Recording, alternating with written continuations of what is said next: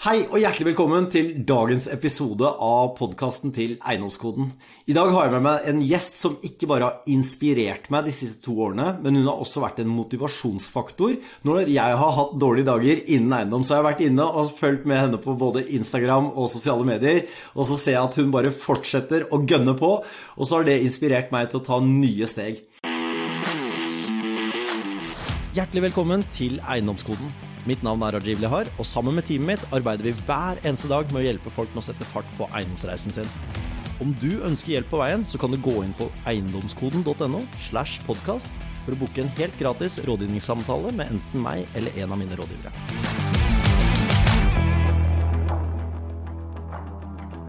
Kine Knutsvit, hjertelig velkommen skal du være på dagens podkast. Tusen hjertelig takk. Fantastisk gøy at du både stiller opp og har lyst til å dele med deg din reise, Kine. Så hva er det som eh, Hvem er Kine? Kan du fortelle litt raskt hvor kommer du fra? Hva er det du jobber med, og, og hvordan du ble interessert i eiendom? Eh, jeg heter Kine.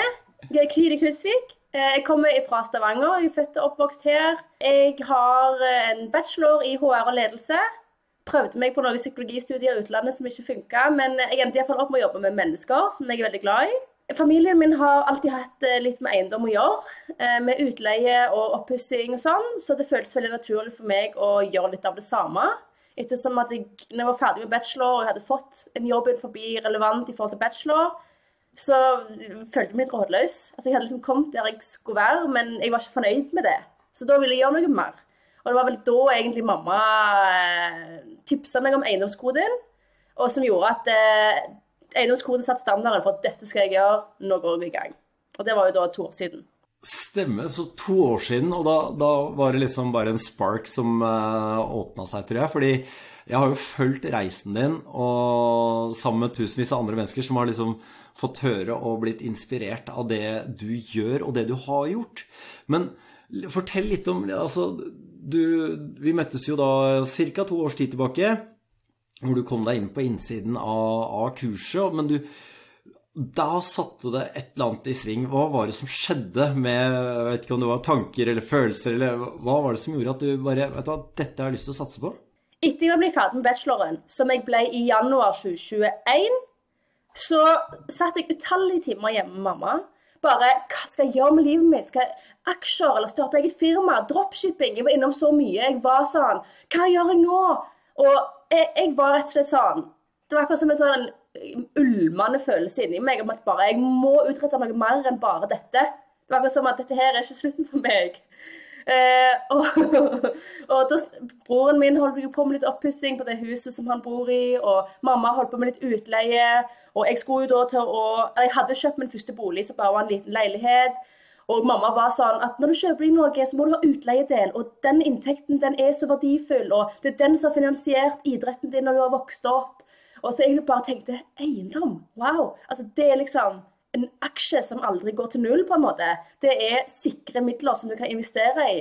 Og så begynte jo denne her fornuftige delen av meg å bare at eh, det er så mye å hente innen eiendom. Altså, Jeg trenger ikke spare til pensjon engang. Jeg kan bare, Hvis jeg jobber hardt nå så har masse leietakere når jeg blir gammel, så kan jeg drite i hele pensjonen. Altså, Det var bare så mange tanker i hodet mitt.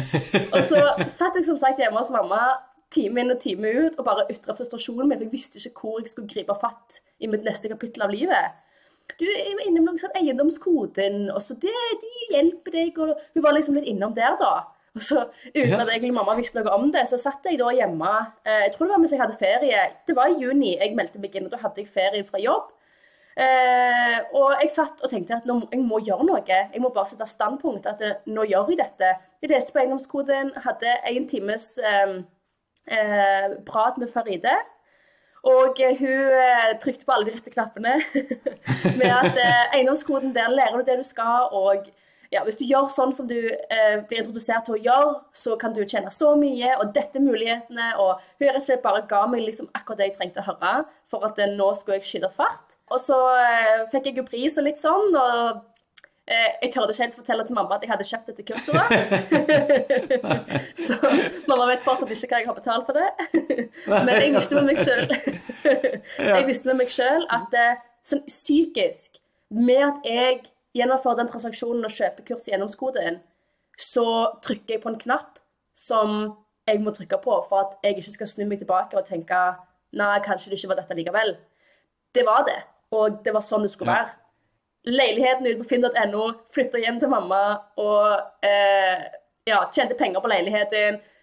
Eh, kjøpte meg nytt oppussingsobjekt, og så enda et, og så nå enda et. Så det var vel sånn snøballen begynte å rulle. Det var vel bare det at jeg tok standpunkt og putta penger og investerte inn i kurset og ble en del av et nettverk. Og følte at eh, nå er jeg på rette sporet. For det var akkurat som at det at jeg kjøpte det kurset, åpna opp en ny vei eller en ny dør for meg til å gå videre på. Som jeg trengte for å gå all in, da. Ja, så tror jeg men, eh, i, I ditt tilfelle tror jeg også det er den derre bryteren, ikke sant. Men at du bare Ja. Yes, nå Yes. gjør jeg det. Og så bare tar det steget. Uh, innimellom så trenger man et spark i baken, eller så trenger man en liten dytt, eller så trenger man bare en veiledning. Så alle er jo litt på forskjellige steder i livet. Og Ja. vi har jo de som hører på nå, som kanskje føler, kjenner seg litt igjen i deg. At du, du er frustrert på å komme deg videre, men du trenger bare en eller annen å holde hånda til, eller en eller annen som bare Vet du hva, kom denne veien, eller gå den veien. Ja. Men du, du tok jo et ganske drastisk valg da, idet du tar, begynner på kurset. Det første du gjør, er å selge leiligheten, som er din første eiendomstransaksjon. Men hva var det som gjorde at du, du solgte den? Var det fordi at den ikke var i henhold til din investeringsstrategi, eller var det at du skjønte at eh, for å komme meg videre nå, så må jeg bare bli kvitt den? den låste jo kapital. Så jeg måtte jo Det er der jeg merker liksom når jeg har, får meldinger på Instagram hvor folk spør hvordan starta du, og hva er ditt tips til meg for å komme videre. Det kan være kursdeltaker fra innomskolen eller folk som bare følger meg på Instagram-brukeren min.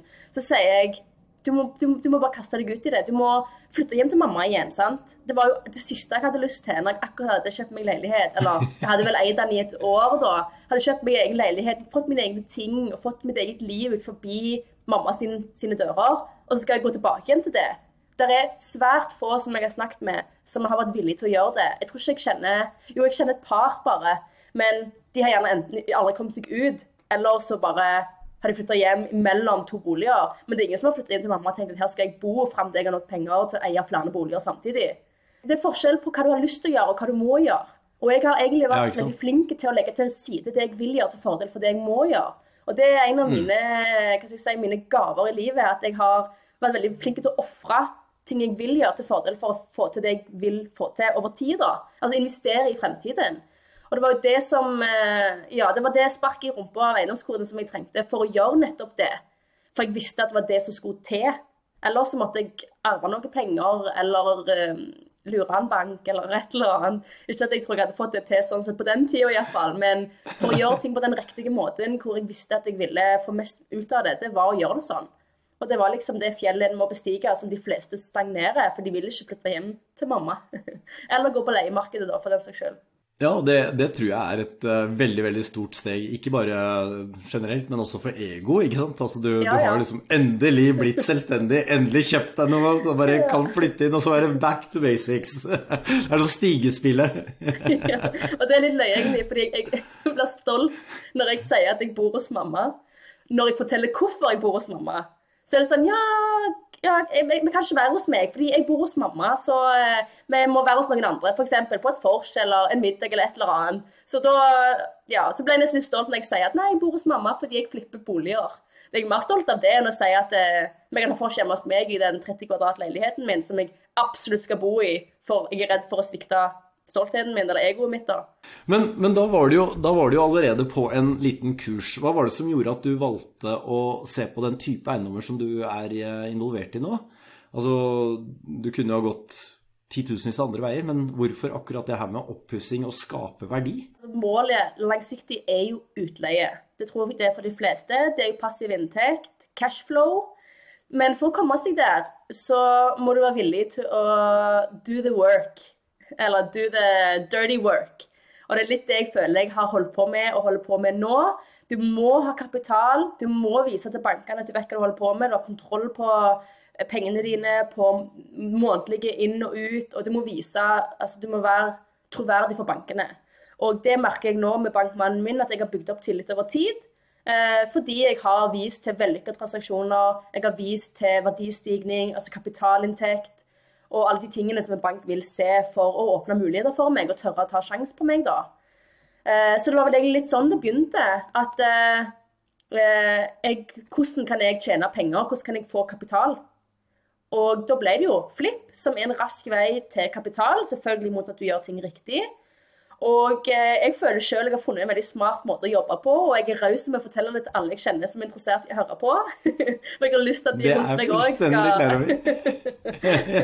Jeg merker liksom hvis jeg sitter, på en, hvis jeg sitter i eh, en uh, selskapelighet og hører f.eks. noen snakke om de skal kjøpe sin første bolig, ah, og jeg babler og babler og babler, og så ser jeg på dem at de bare Du, jeg, jeg, skal bare ha en plass å bo, liksom. Jeg bare Ja, men hør nå her!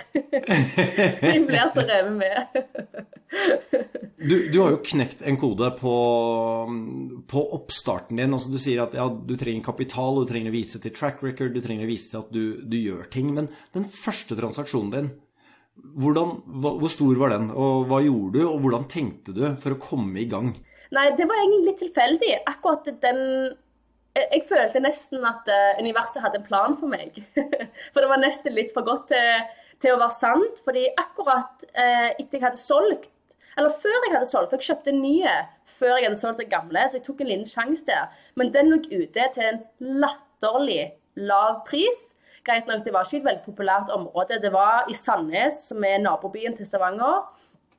Um, men den lå ute til 1,2 millioner. Jeg tror ikke jeg har sett en eneste leilighet i hele Stavanger og omegn som har ligget under 1,4. Uansett hvor vraka og små de har vært, totalprisen har alltid vært over 1,4-1,5 ca. Men denne lå ute til 1,2 pluss litt fellesgjeld pluss eh, omkostninger, men det var bate. Så jeg tror han kom på 1,250 eller noe. Så latterlig lavt den fikk jeg, og den pustet jeg opp. Og tjente jo om det var, Jeg, ikke, jeg husker ikke helt, 400 eller 500 000 på den. Den var jo i dårlig område sånn sett. Altså ikke sånn veldig attraktivt. Litt, litt sånn gettofølelse. Uh, men uh, det var jo da styling, oppussing. Den ble attraktiv, og det var flere i budkrig på den. Hva solgte du den for? 2-2. På hvor lang tid? Jeg overtok den 10.12.2021 solgte den 22.07.2022. Men jeg bodde der et par måneder. Jeg bodde der et par måneder, For planen var jo å flytte inn og bo der et år. det er også faktisk litt leie, for planen min var jo å slippe skatten. Så jeg visste jo at det var en del penger i dette når jeg solgte det. Men jeg, bodde, jeg tror jeg bodde der i en måned, og så endte jeg opp med å få solgt den. For jeg hadde ikke tålmodighet til å vente. jeg måtte få gang nytt prosjekt. Jeg, liksom ikke, jeg, hadde ikke lyst til å bare bo. Sånn. Jeg ble nesten deprimert når jeg ikke har noe å henge fingrene i. Det er helt sykt. Altså sånn, jeg kommer hjem fra jobb, bare er det nå jeg liksom skal lage middag og spørre venner om å henge, eller hva er det vanlige folk gjør når de ikke har et prosjekt å gå til? Altså, det var ikke min greie. jeg ville ha et nytt prosjekt, da, så jeg solgte jo før tida og betalte skatt av det. da. Og det, Der sier du noe som egentlig er veldig, veldig, veldig nyttig. Fordi en del som spør oss ja, men hva med skatten? Hvordan unngår jeg skatt? Og, og fokuserer så mye på skatten at de helt glemmer det her med det de egentlig ønsker, det er jo å investere og skape og, og gjøre noe. Men, mm. og du er jo et levende eksempel på det der med at ja, vet du hva, du, du, kan skape mer penger på å faktisk bare betale skatten og komme deg videre, enn at du skal spare på den summen som er i skatt. da. Og, ja. Så, så, med andre ord så var det ja, rett i overkant av seks måneders tid du brukte på den? Jeg brukte fire måneder, men det var unødvendig lang tid. For jeg hadde noen advokatgreier med en rørlegger som gikk helt eh, balhuba. Eh, så den burde tatt tre måneder. Tok fire måneder. Eh, men jeg bodde der jo i et par måneder før jeg solgte det. Og så var det jo en salgsprosess og sånn. Så jeg bodde der ca. en måned før jeg bestemte meg for å gå videre. Men da gjorde jeg jo et regnestykke på det. Så jeg tror jeg betalte rundt en 80 000 i skatt av gevinsten. Jeg tror det var ca. det vi leverte jo nettopp inn. Jeg tror det ble 80 eller 90 000. Um, men så kjøpte jeg jo en ny leilighet, som jeg òg tjente 400 500 000 på det samme året. Ja. Som jeg ikke hadde fått tjent penger på hvis jeg hadde fortsatt bodd i den andre boligen. Så jeg gjorde jo et regnestykke at jeg kan enten sitte her og vente på å ikke betale 80 000-90 000 i skatt, eller jeg kan gå videre og tjene 400 500 000 på et annet prosjekt det samme året. Så det var jo den vurderingen jeg gjorde, som var veldig simpel. Hvis du som hører på nå kan skrive dette ned, vær så snill, så gjør det. Fordi igjen, det er jo exactly my point på at du kan enten sitte og fokusere på de 80 000 som du skal spare, eller gå ut der og bare gjøre jobben og tjene 400 000 til. Så du fikk jo nå litt blod på tannen, skjønner jeg. Altså, nå skjønte du at ok, greit, dette funker. Det, det du på en måte er i gang med fungerer. Verdiskapning fungerer. Men det har jo ikke bare vært uh, gull og grønne skoger hele veien. Du har jo sikkert møtt på noen utfordringer, regner jeg med, som uh, man alltid definitivt gjør innen eiendom. Hvilke utfordringer har du møtt på underveis i startfasen? Da? Hva, hva er det som var hiccups? Du nevnte jo det her med at rørleggeren det var en liten eh, hiccup der sånn eh, juridisk. Og så, Ja. Hvordan takler du det? Det var egentlig et godt spørsmål. Eh, fordi jeg tror ikke noen ønsker eller ser den komme når de inngår en avtale med de ulike leverandørene på kjøkken, bad eller hva enn det måtte være. Så når først de situasjonene oppstår, så må en jo bare holde hodet hevet og håndtere det best mulig. Men for min del så er jeg egentlig ganske grei å ha med å gjøre, helt til jeg føler folk utnytter min tid, eller eh, at de viser respekt for meg og mitt. Det, i, det, I det tilfellet så skulle jo det bli mitt hjem. sant? Så jeg følte jo at de hadde ikke respekt for at jeg faktisk Jeg spilte jo litt på dette med at jeg bor hjemme hos mamma, og vi har liksom ikke sånn og sånn, det koster penger, og jeg prøvde liksom å spille litt på den da, for å spille på samvittigheten deres. Og de hadde ingen medfølelse. Ingenting. Og da mister du meg litt. Hadde de vært sånn Ja, vi gjør så godt vi kan, og vi ønsker så godt å få dette til, og Men nei, de hadde null. Og det var jo da jeg tenkte at eh, nå er det nok. Nå eh, TV 2 hjelper deg, og jeg gikk bånd Altså, det var no mercy. Så eh, jeg har jo en smørbrødliste med ting eh, som jeg skrev ned fra den hendelsen, som jeg gjerne skulle likt å videreformidle til verden der ute. Få med bl.a. dato eller antall uker som skal bli brukt på prosjektet, med i kontrakten når du signerer. At hvis de f.eks. går over så og så lang tid, bruker de mer enn fem uker på badet, som er avtalt, så skal du ha dagmulkt eller ukesmulkt eller et eller annet. Eller de må kunne vise gyldig grunn for ja, at tidsperspektiv. Fordi at tid er penger. Høres litt klisjé ut å si, men det er så sant. At i mitt tilfelle så skulle ting skje fort. Ehm, og det passet ikke meg at de ga så F da, i tiden som vi hadde avtalt. Vi avtalte tre til fire uker. Jeg visste jo det var covid og litt sånne ting, så jeg sa OK, seks uker. Men de brukte 13 uker på badet. Og eh, jeg fikk ikke dokumentasjonen jeg skulle ha, så jeg måtte gå til advokat. Brukte 15 000 på advokat for å innhente dokumentasjonen som jeg hadde krav på. Så hvis noen har ønsket den lista med tips, så eh, send meg en melding. Så bra. For jeg, jeg skal med glede dele den. Jeg har jo vært i tilsvarende scenarioer en del, god del ganger, og jeg kan ikke være mer enig med deg i det. Med det med, men å, å være klar og tydelig da, om både kontrakter osv. Men på det tidspunktet, det man ikke vet, vet man ikke. Det er helt sant. Ikke sant? Så innimellom så må man kanskje gå igjennom et par sånne for å kunne forstå hvor og hva du bør huske på osv. Men så sier du noe som er ekstremt viktig her. Det er jo Ja, men vet du hva, har du lyst på den lista? Bare si ifra til meg, skal jeg dele den? Og der kommer det jo gullkornet nummer eh, det, Altså det første gullkornet. Lær av andre, sånn at du slipper å gjøre de samme feilene. Ja.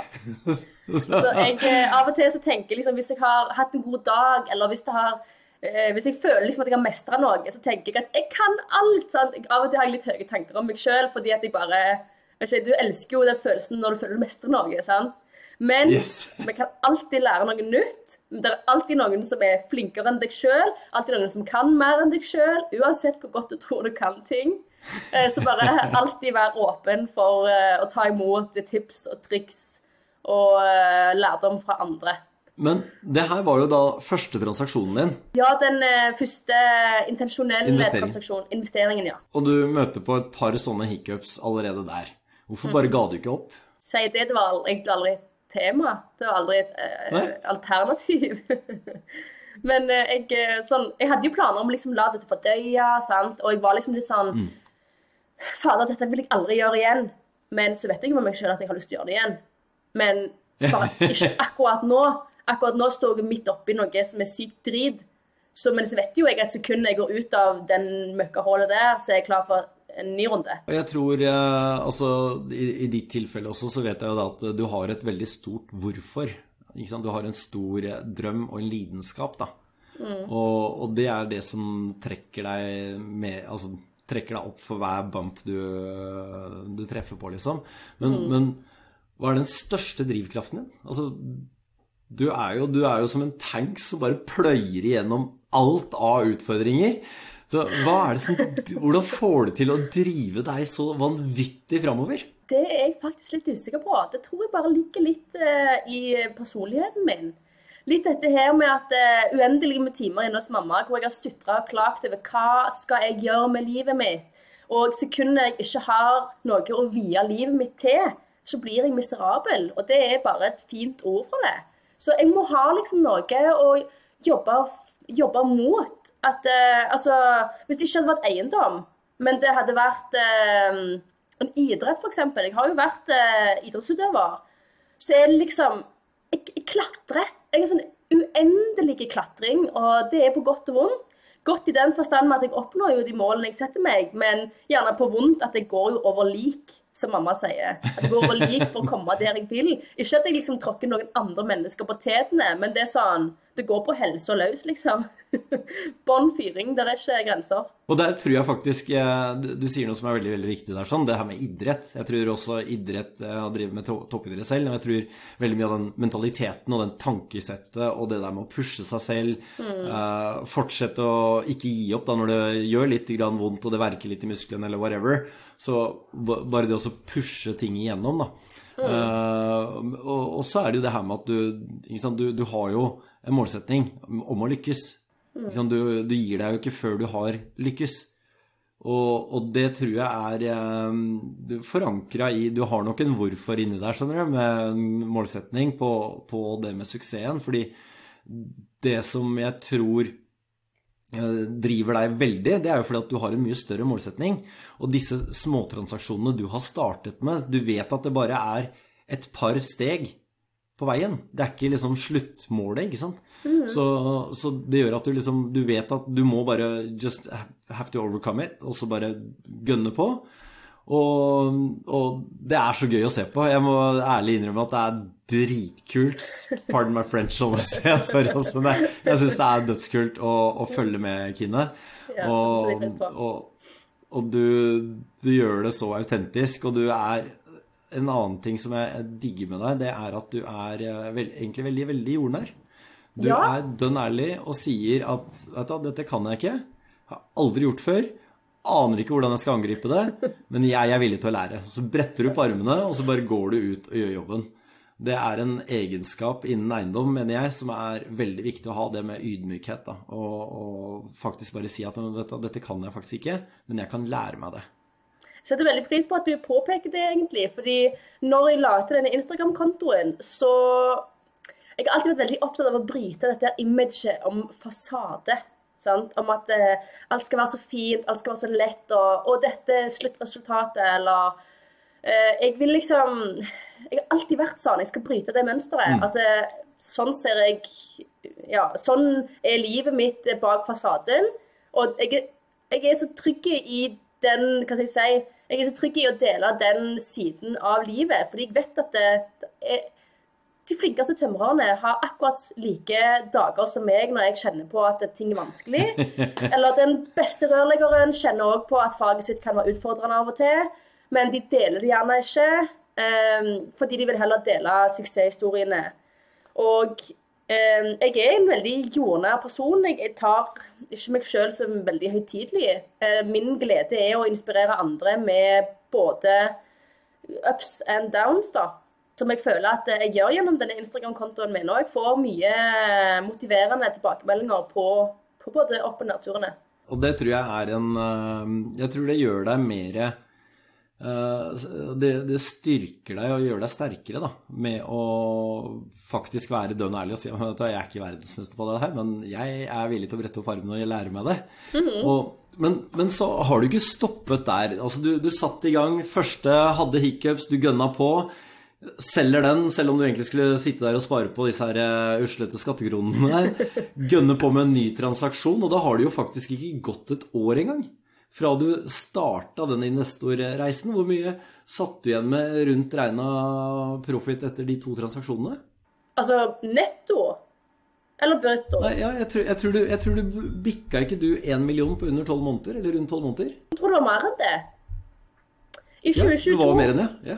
I, Ja. i, I 2022 så solgte jeg jo, eller så var det jo overtakelse på den første leiligheten min, som ikke var et investeringsobjekt, men der tjente jeg noen kroner. Og så hadde jeg jo den andre boligen og den tredje boligen. Så jeg tror når jeg regnet Jeg, jeg tror eh, det bikka en million, jo, på det brutto inntekt det året. Ved siden av vanlig jobb. Ja, så kan vi plusse på vanlig jobb, da. Så jeg følte meg jo, når jeg gjorde dette regnestykket her, så ble jeg jo litt høy på meg sjøl, og så kjempefornøyd med innsatsen, og så Så tenkte jeg bare joho, hvordan fikk jeg dette her til, liksom? Så jeg har jo bare gjort noe jeg har syntes er eh, kjekt. Og så har du jo ikke stoppa der. Nei, Fordi når vi møttes eh, på årskonferansen til Eiendomskoden, så var det jo bare et par dager i forveien hvor du hadde solgt, var det ikke det? Samme dagen. Samme dagen var det. Ja. Og hvor lang tid gikk det fra du solgte til du var i gang med et nytt prosjekt? Altså, vi har jo hatt to forskjellige mellomperioder nå. Det var jo fra jeg solgte det første prosjektet mitt i 2022 til det andre prosjektet mitt i 2022. Det var der det gikk ca.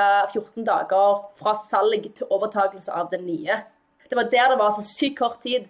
Men på den andre nå, for når jeg var på årskonferansen, fram til jeg overtok den jeg holder på med nå, så gikk det litt lengre tid, fordi han som bodde der skulle selge, la, la, la, så jeg måtte jo tilpasse meg litt der. Men jeg var jo litt sånn eh, Jeg overtar om to uker hvis jeg får den for det. Type forhandling når jeg skulle kjøpe. Men eh, jeg gjorde jo det samme med den, eh, med den transaksjonen tidligere. Men det var jo der jeg solgte på fredagen, altså jeg kjøpte nye på tirsdagen. Tre, fire dager etterpå. Ja, så det var der det var veldig. Og da var det overtakelse om 14 dager. Så da var det vel ja, rett over 14 dager. Så var jeg i gang med noe nytt etter jeg hadde solgt da. Men da hadde jeg jo fått denne måneden min med fri, sant? hvor jeg skulle sitte og vente på skattepengene og sånn. Så da var jo jeg klar for å angripe noe nytt. Men så har du jo, nå har du jo den, den du har nylig overtatt nå også, er det jo litt mer, litt mer kompleks, litt mer eh, Altså det er ikke en Du har gått liksom fra leilighet nå til type rekkehus og har litt større oppussingsobjekter. Hva er det som du føler har trigget deg til å gå på større utfordringer? Hvorfor oppsøker du større utfordringer?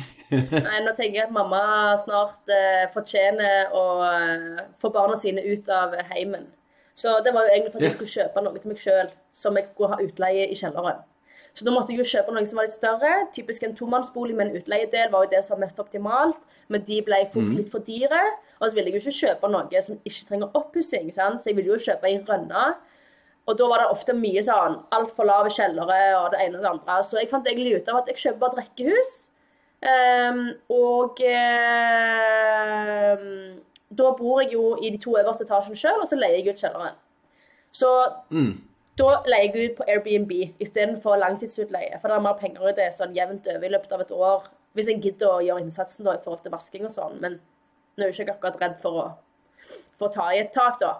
Uh, men Nei, du er vel eh, ikke den siste som eh, bretter opp armene her, så det har du kanskje konstatert. ja. ja. Så jeg, jeg skulle egentlig bare ha en plass å bo sjøl, og derfor gikk jeg for noe større nå. Eh, Men jeg har vel egentlig funnet ut av på dette prosjektet her at jeg liker de mindre leilighetene, fordi jeg er en utålmodig sjel. Jeg vil utrette mest mulig på kortest mulig tid. Og da føler jeg at eh, seks måneder med et rekkehus, eller tre måneder med to leiligheter, så i hodet mitt i forhold til sånn jeg fungerer, hva kompetanse jeg har, hva jeg gjør best, så funker det best med to leiligheter på seks måneder enn et rekkehus eller et hus på seks måneder. For med en gang du skal opp i hus eller rekkehus, så er det jo gjerne større ting du må gjøre da. Isolasjon, rette av gulv, rette av tak, eh, lekting og det ene og det andre. Da føler jeg at eh, min måte å jobbe på kommer bedre overens med mindre leiligheter. Og så er det jo òg da Det som er kjekkest, det er jo å se hvor mye du tjener på prosjektene dine. Og da vil jeg jo heller vente tre måneder for å se hva jeg tjener, enn seks måneder for å se om jeg kanskje tjener litt mer på de seks månedene. Ja. Så jeg vil ha kjappe transaksjoner, så ting går litt bånn gass. Eh, For det er jo som sagt kjekt å se hva du tjener. Det er også kjekt å finne nye objekter. Det er kjekt å, med interiør og steile, farger, fliser. altså Det er jo det jeg syns er gøyest. Og Ja. da vil jeg heller gjøre det hver tredje måned enn hver sjette måned. Så jeg kommer til å fortsette på de litt mindre leilighetene, for der har jeg eh, vist eh, både meg sjøl og de som følger meg på Instagram, at der er det søren meg mye penger å hente. Men det er faktisk en veldig fin refleksjon du har der, Kine. Den måten du har tenkt på, og det, den stien du på en måte nå kjenner eh, passer deg og din livsstil, og ikke minst dine interesser og det du liker, og det du trigger deg med. eh, det som trigger deg med det. Og, og det tror jeg er en veldig fin refleksjon for dere som lytter også. Finne ut av ja, hva er som hva, hva er det du egentlig har lyst til? Hva hva er det som egentlig du syns er veldig gøy, da? Eh, Sånn som jeg hater å male, f.eks. Jeg setter alltid ut maling, fordi det er sånn Jeg klarer kanskje et kvart strøk, og så er jeg ferdig. så da, da røyk tålmodigheten min. Men, men eh, ja, de som kjenner meg, jo at jeg har sånn Ikea-kjøkkenfetisj. Jeg elsker Ikea-kjøkken. Jeg syns det er dødskult. Både det å designe, komme med løsninger, prøve å få maksimalt utbytte av et kjøkken, f.eks.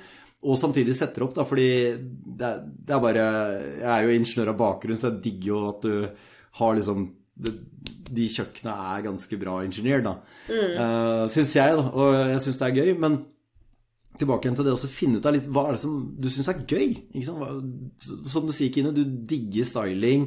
Du digger det med interiør, farger, sette sammen, lage gode annonser. Jeg regner med at eh, de fotografene som er på dine prosjekter, får kjørt seg litt. Men, eh, Altså, De kommer inn og så sier de Wow, her er det ingenting å sette fingeren på. Det har jeg hørt to ganger nå. Men nå har jeg vel merka brukt den samme fotografen, da. Eh, fordi jeg vet hvordan jeg vil ha det, jeg vet hvordan det skal se ut. Det er ikke et fingeravtrykk på vinduene. fordi det, det er ingenting som ikke er gjennomtenkt eller gjennomført. Fordi det er bare liksom den det er det som selger. Altså, Er det skitne vinduer og en steila leilighet, så legger folk kanskje merke til det og får en følelse av at det er et eller annet som ikke stemmer. sant? Det kan være så lite. Eller som at du er liksom svart mygg i vinduskarmene fordi det er gamle vinduer i borettslaget. Det, det kan være så lite som gjør at folk rynker på nesen. Så da er det jo, når du har lagt så mange timer arbeid ned i et prosjekt, så skal ikke noe sånn ødelegge. Så jeg har faktisk fått gode tilbakemeldinger fra fotografer at eh, ting er on fleak. De annonsene som du har hatt på leiligheten, har sett veldig veldig bra ut. Og det, det er utrolig kult å se at du legger så flid i det. Um, og du gjør jo ikke noe halvveis. Altså, Nei. hvor mye har du snekra før du satte i gang det første investeringsprosjektet ditt? Ingenting. Det var ikke det? Hvor mye fiksa du i den første investeringa? Masse. Det var stort sett alt. Ja, Med- eneste var at de leide folk inn til å hjelpe meg å gipse litt. Fordi at broren min hadde ikke sjanse å hjelpe meg å gipse, for det er så tungt å holde på alene. Jeg kjenner jo ingen som kan hjelpe meg, og de som kan hjelpe meg, de har jo gjerne et liv utenom eller holder på med sine egne greier. Så de er jo ikke investert i å liksom ta mitt prosjekt fra A til Å, så sitter jeg igjen og tjener penger. Så folk er jo med og hjelper meg litt i ny og ne. De kommer innom og sier «Eh, 'hjelp meg å bære gips før du går', liksom. sant? Så jeg, akkurat når jeg angriper folk, så alle vet at når de kommer innom meg, så er det «Eh, 'hjelp meg'. Uh, men Other people's money har jeg hørt om, men other people's muscles er Det er en ny definisjon. Ja, men det er ikke silly gøy, fordi jeg forventer ikke at andre folk skal legge inn innsats i mine penger. Fordi at eh, jeg kan godt dele penger og betale for arbeidstiden deres, men ingen jeg kjenner er interessert i 300 kroner i timen som en vennehjelp, eller ingen jeg eh, Ingen jeg kjenner er liksom interessert Jeg har ikke lyst til å dele 10 for plutselig er 10% 50 000, sant? Og jeg vet ikke hvor mye de stiller opp, sant? Så jeg er redd for at jeg skal inngå en avtale med noen hvor jeg sitter igjen som svarteper. At så har de unger, f.eks., og så får ikke de fulgt opp de 10% Men så selger jeg og tjener masse penger, og så står de der bare 10 sant? Så for å unngå konflikter mellom venner og familie, så har jeg bare vært veldig sånn Stå på egne bein. Jeg hjelper de som hjelper meg, så godt jeg kan, men det er ingen økonomisk in it for them, på en måte. Så derfor så er jeg litt sånn Hjelp meg når du kommer innom, eller kan du hjelpe meg å bære gips? Og det er jo ofte mamma som stiller opp, da, for hun forventer jo ingenting annet enn at jeg eh, er snilt barn, sant. Jeg ønsker seg snille barn bursdagen hele livet. så, så igjen gjelder den tjenesten med å være snill, snilt barn. Ja, ikke sant? Ja. Men, men eh, la oss eh, gå litt i dybden på sånn konkret Hvordan er det du evaluerer prosjekter? Hvordan ser du prosjekter? Hva, hva er det du ser etter? Uh, på de flippobjektene som du har hatt nå, og ikke minst det du ser på Jeg regner med at du fortsatt er på finn.no selv om du driver og holder på ja, med prosjektet? Ja, meg og ei venninne som er, eller, hun venninna mi har akkurat kjøpt det i dag, faktisk. Meg og hun har vært veldig på bølgelengde med eiendom, utleie, oppussing til ene og det andre. Med begge to liksom handy independent woman. men, uh, men så meg og hun sender mye objekter til hverandre fram og tilbake. Og når jeg finner et prosjekt som jeg ønsker å satse på, så trenger det ikke nødvendigvis å gå så lang tid. For jeg har denne her leksa her jeg lærer til alle når jeg sitter på en eh, sosial sammenkomst og de snakker noe om eiendom. Du må inn og lage deg en, en mappe under favoritter som heter f.eks. Kjøp 2023. Mhm. Og så må du gå inn og så må du se på alle boligene som ikke har oppført visning. Altså, det betyr at de har vært visning og ikke blitt solgt. Så går du inn og så lager du alle de som er av interesse, som du ser har potensial, som er innenfor det du vil ha. Leilighet, rekkehus eller, eller ja, og pris. Og så mm. um, Det gjør du gjerne når du er i salgsprosessen med den andre boligen. Sant? Sånn at du på en måte overlapper litt, for da har du litt tid på å la de ligge ja. marinere. De, da vet jo du at det, når du lar de til, det står jo måned du lar de til, så ser du at uh, den er ikke solgt ennå. Den var ikke solgt i den måneden heller, som var gjerne for en måned siden. OK, da ringer vi megler. Hva er galt med denne boligen her? Nei, Han skjønner ikke helt hvorfor den ikke blir solgt. Det er ikke rotter, det er ikke skader, altså det er ingenting grunn, det er ikke mygg eller altså det er ingenting. Så jeg skjønner ikke hvorfor den ikke blir solgt. Da vet jeg at det er en sånn en som jeg vil ha. Men da går jeg på visning. Eh, ser, ser da vel å om det er fysisk en sånn som jeg vil ha. Og så prøver vi gjerne å fiske litt med megler. Er dette her en eh, person som må selge? Har det travelt med å selge? Er de villige til å gå ned i pris? Det spør jeg nesten om før jeg går på visning, for jeg gidder ikke sløse tid. Og så sier de ja, de er interessert i å selge. De skal flytte, eller de har flytta til Oslo, eller de har fått unge, og så de har måttet flytte i større bolig. Så da vet jo jeg at den boligen som jeg nå er interessert i, det er bare en utgiftspost for de, og det er ingen andre interesserte. Og det er egentlig ikke en grunn for at den ikke blir solgt. Det er sikkert bare fordi det er, sånn, er navn på den effekten. At hvis den ikke blir solgt etter første visning, så tror folk det er noe galt med den siden den ikke blir solgt. Men det er ikke noe galt med den. Det er bare det at eh, Ja. Det, det er en effekt på det der. Jeg husker ikke hva det kalles, men det er en greie, det der. Så pruter jeg på pris, og så legger jeg inn et sånt superduper skambud, bare sånn de vet hvor jeg legger lista mi. Så, så begynner gjerne de som kverner, enten om de vi finner ut av noe samme dagen, eller om de kommer tilbake noen dager etterpå og bare vi har tenkt litt på det. Så får jeg alltid et egentlig ganske bra objekt til en steingod pris, sånn under markedspris. Fordi de må selge, den har ligget ute lenge. Jeg står med penger klar til å overta om 14 dager, f.eks. Så ja, ikke nøkkelen her er jo å lage seg den mappa, legge inn boliger som har hatt visning, som ikke har oppført ny visning, for da vet du at det ikke er blitt solgt etter første visning. Og så følger du de opp igjen en måned etterpå. Hvilke er solgt, og hvilke er ikke solgt. Og så er det jo da å ta seg en liten eh, ringerunde på de som ikke er solgt, som er interessante. Og det funker hver gang. Og jeg, jeg har selger og megler rundt lillefingeren. For både megleren er møkka lei av å ha den annonsen liggende på Finn og få henvendelser på den i hytt og pine. Og ha en selger som legger press på, for det meglere vil jo innfri selgeren. sant? Og så er det jo da en selger som har utgifter måned til måned på en bolig de ikke bor i. For ofte oppussingsobjekt er boliger som ikke bor i, eller bos i. Så det er jo mye psykologi i det, eh, men det er egentlig bare litt sånn Vær litt i forkjøpet. Tenk litt smart. Eh, vit hva makt du sitter på. Du er den eneste personen med penger som kan overta om to uker. Og bruk det for det det er verdt. og så ha is i magen. Fantastiske tips eh, på det. Og hva, og hva slags type oppussing er det du ser etter? Altså hva bør det på en måte inneholde av oppussing, da? Eh, egentlig alt. Fordi jeg har prøvd, det er faktisk et tips jeg vil gi videre til alle som hører på nå. Ikke tro at du kan hva, hva ordtaket sier, parfyme på svette. For det funker ikke. Det har jeg funnet ut av.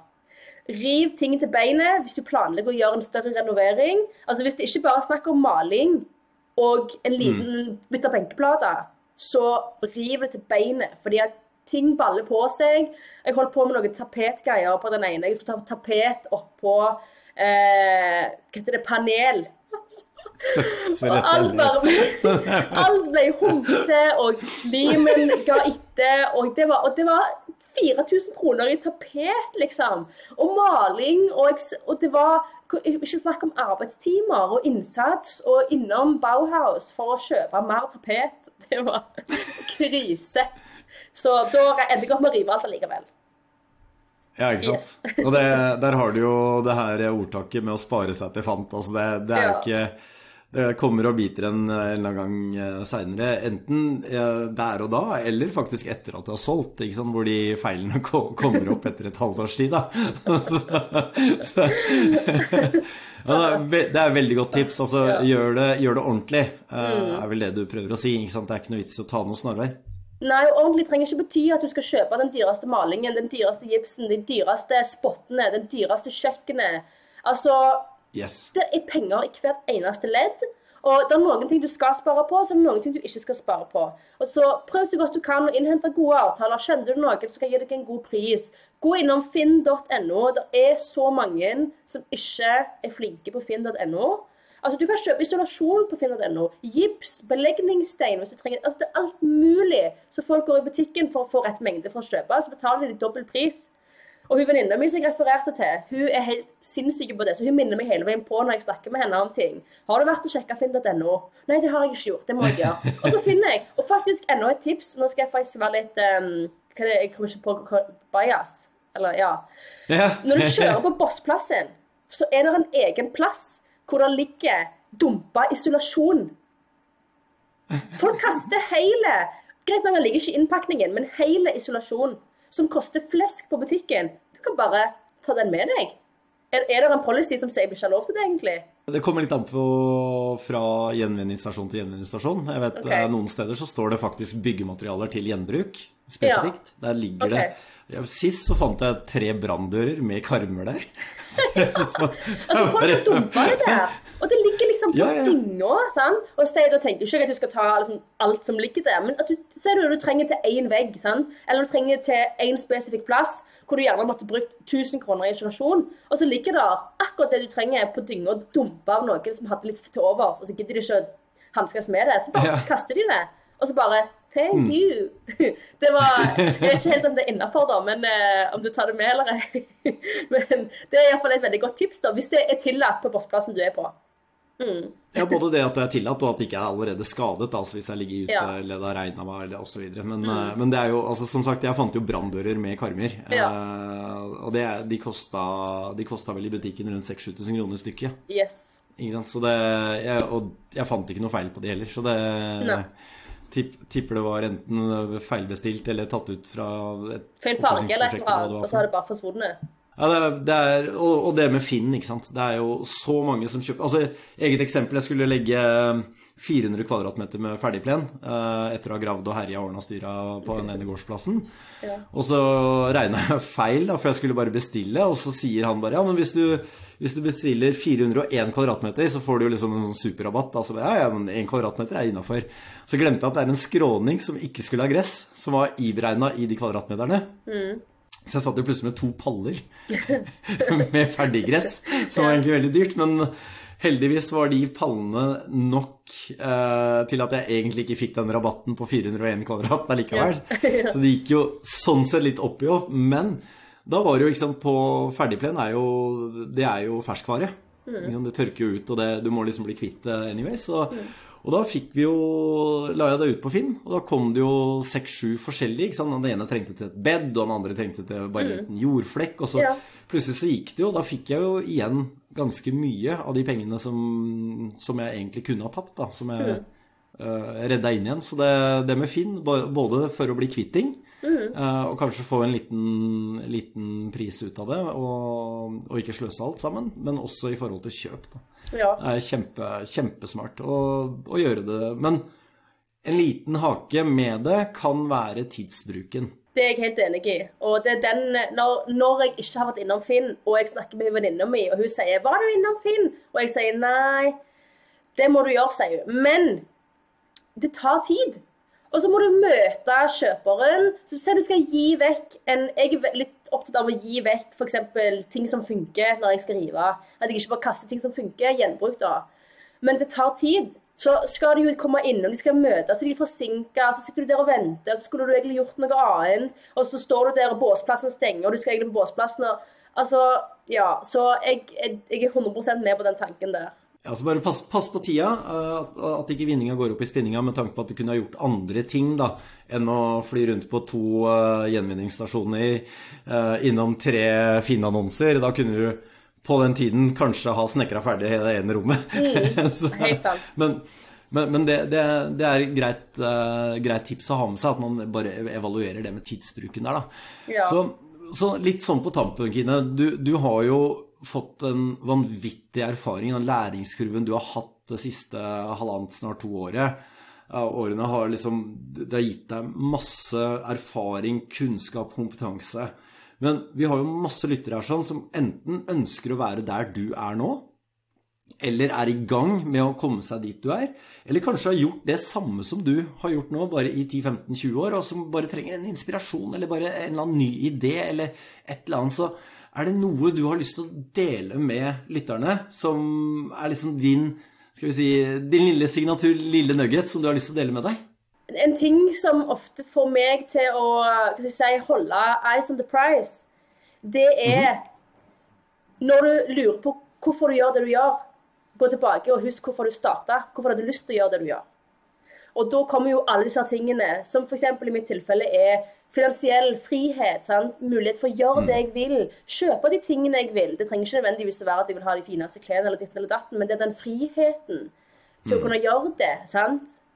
Og eh, en av mine motivasjonsfaktorer, som faktisk er litt løye fordi at når jeg var, jeg var i EM i den idretten jeg holdt på med, så ble jeg intervjuet av Solabladet.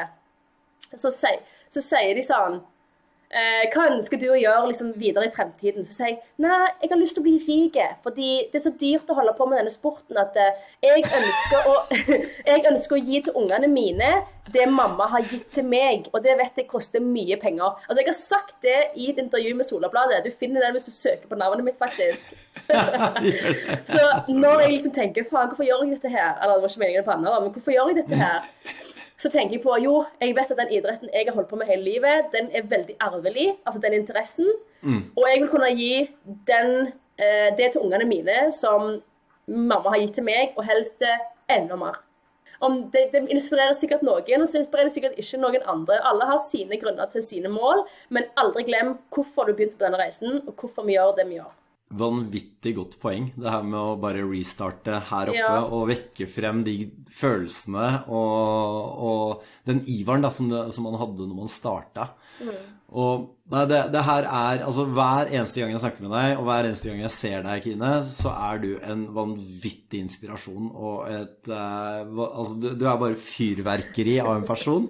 Jeg digger å følge med på deg. Og hvor kan man uh, følge med på deg? Du har nevnt Instagram-kontoen din. Hva heter den? Hvor når, når lytterne deg? Ja, folk eh, har daglig oppdatering fra meg på KSK Eiendom på Instagram. Der jeg deler ups and downs og litt klaging og litt eh, høy på livet, litt om en annen. Eh, men der får dere hele pakken. Så det er bare å gå inn og følge. Så eh, blir det som sagt eh, ups and downs og eh, litt humor og underholdning. Fantastisk bra. Så det er KSK Eiendom, dere. Gå inn på det, følg Kine, og ikke minst gi henne den støtten i de nedturene hun har. Og ikke minst hei på henne når du faktisk gjør det bra, så hun blir litt, enda litt høyere på livet. Men tusen, tusen hjertelig takk for at du er så raus med både erfaringen din, Kine, og det at du deler, og at du gjør det så med lidenskap, det setter jeg umåtelig stor pris på. Jeg syns det er veldig fantastisk at eh, det finnes sånne som deg, som er der og ønsker å dele. For jeg- selv skulle ønske jeg hadde noen som, som deg, som kunne være der som en inspirasjonskilde når jeg starta, og hadde kanskje sluppet å gjøre en del av de feilene jeg har gjort. Men tusen, tusen takk for at du stiller opp og, og velger å dele, Kine. Det setter jeg veldig pris på. Tusen hjertelig takk for denne muligheten. Eh, Jeg, blir så inspirert hver gang jeg snakker med deg. Hver gang jeg får muligheten til å være en del av dette nettverket, som jeg vet har vært til så stor hjelp for meg. Som på en måte er liksom raketten i denne reisen for meg.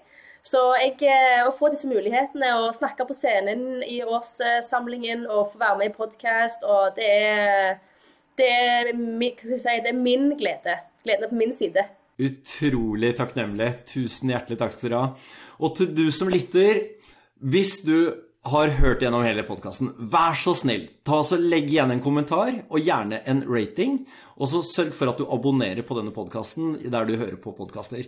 Det vil nemlig hjelpe oss til å nå ut til enda flere mennesker som vi kan inspirere eller motivere, eller kunne bare skape en ny idé eller få en spark i baken til å sette fart på sin eiendomsreise. Hvis du ønsker å få evaluert din eiendomsreise, eller ønsker å komme i gang, så kan du også booke en helt gratis rådgivningssamtale med en av rådgiverne på teamet mitt. Og det kan du gjøre ved å gå inn på eiendomskoden.no slash podkast. Så velger du et tidspunkt som passer for deg, så kommer rådgiveren til å følge deg opp fortløpende. Så tusen hjertelig takk for at du hører på. Tusen takk for at du kommenterer, deler og ikke minst rater denne podkasten. Så høres vi igjen om ikke så altfor lenge. Ha en fantastisk herlig dag videre.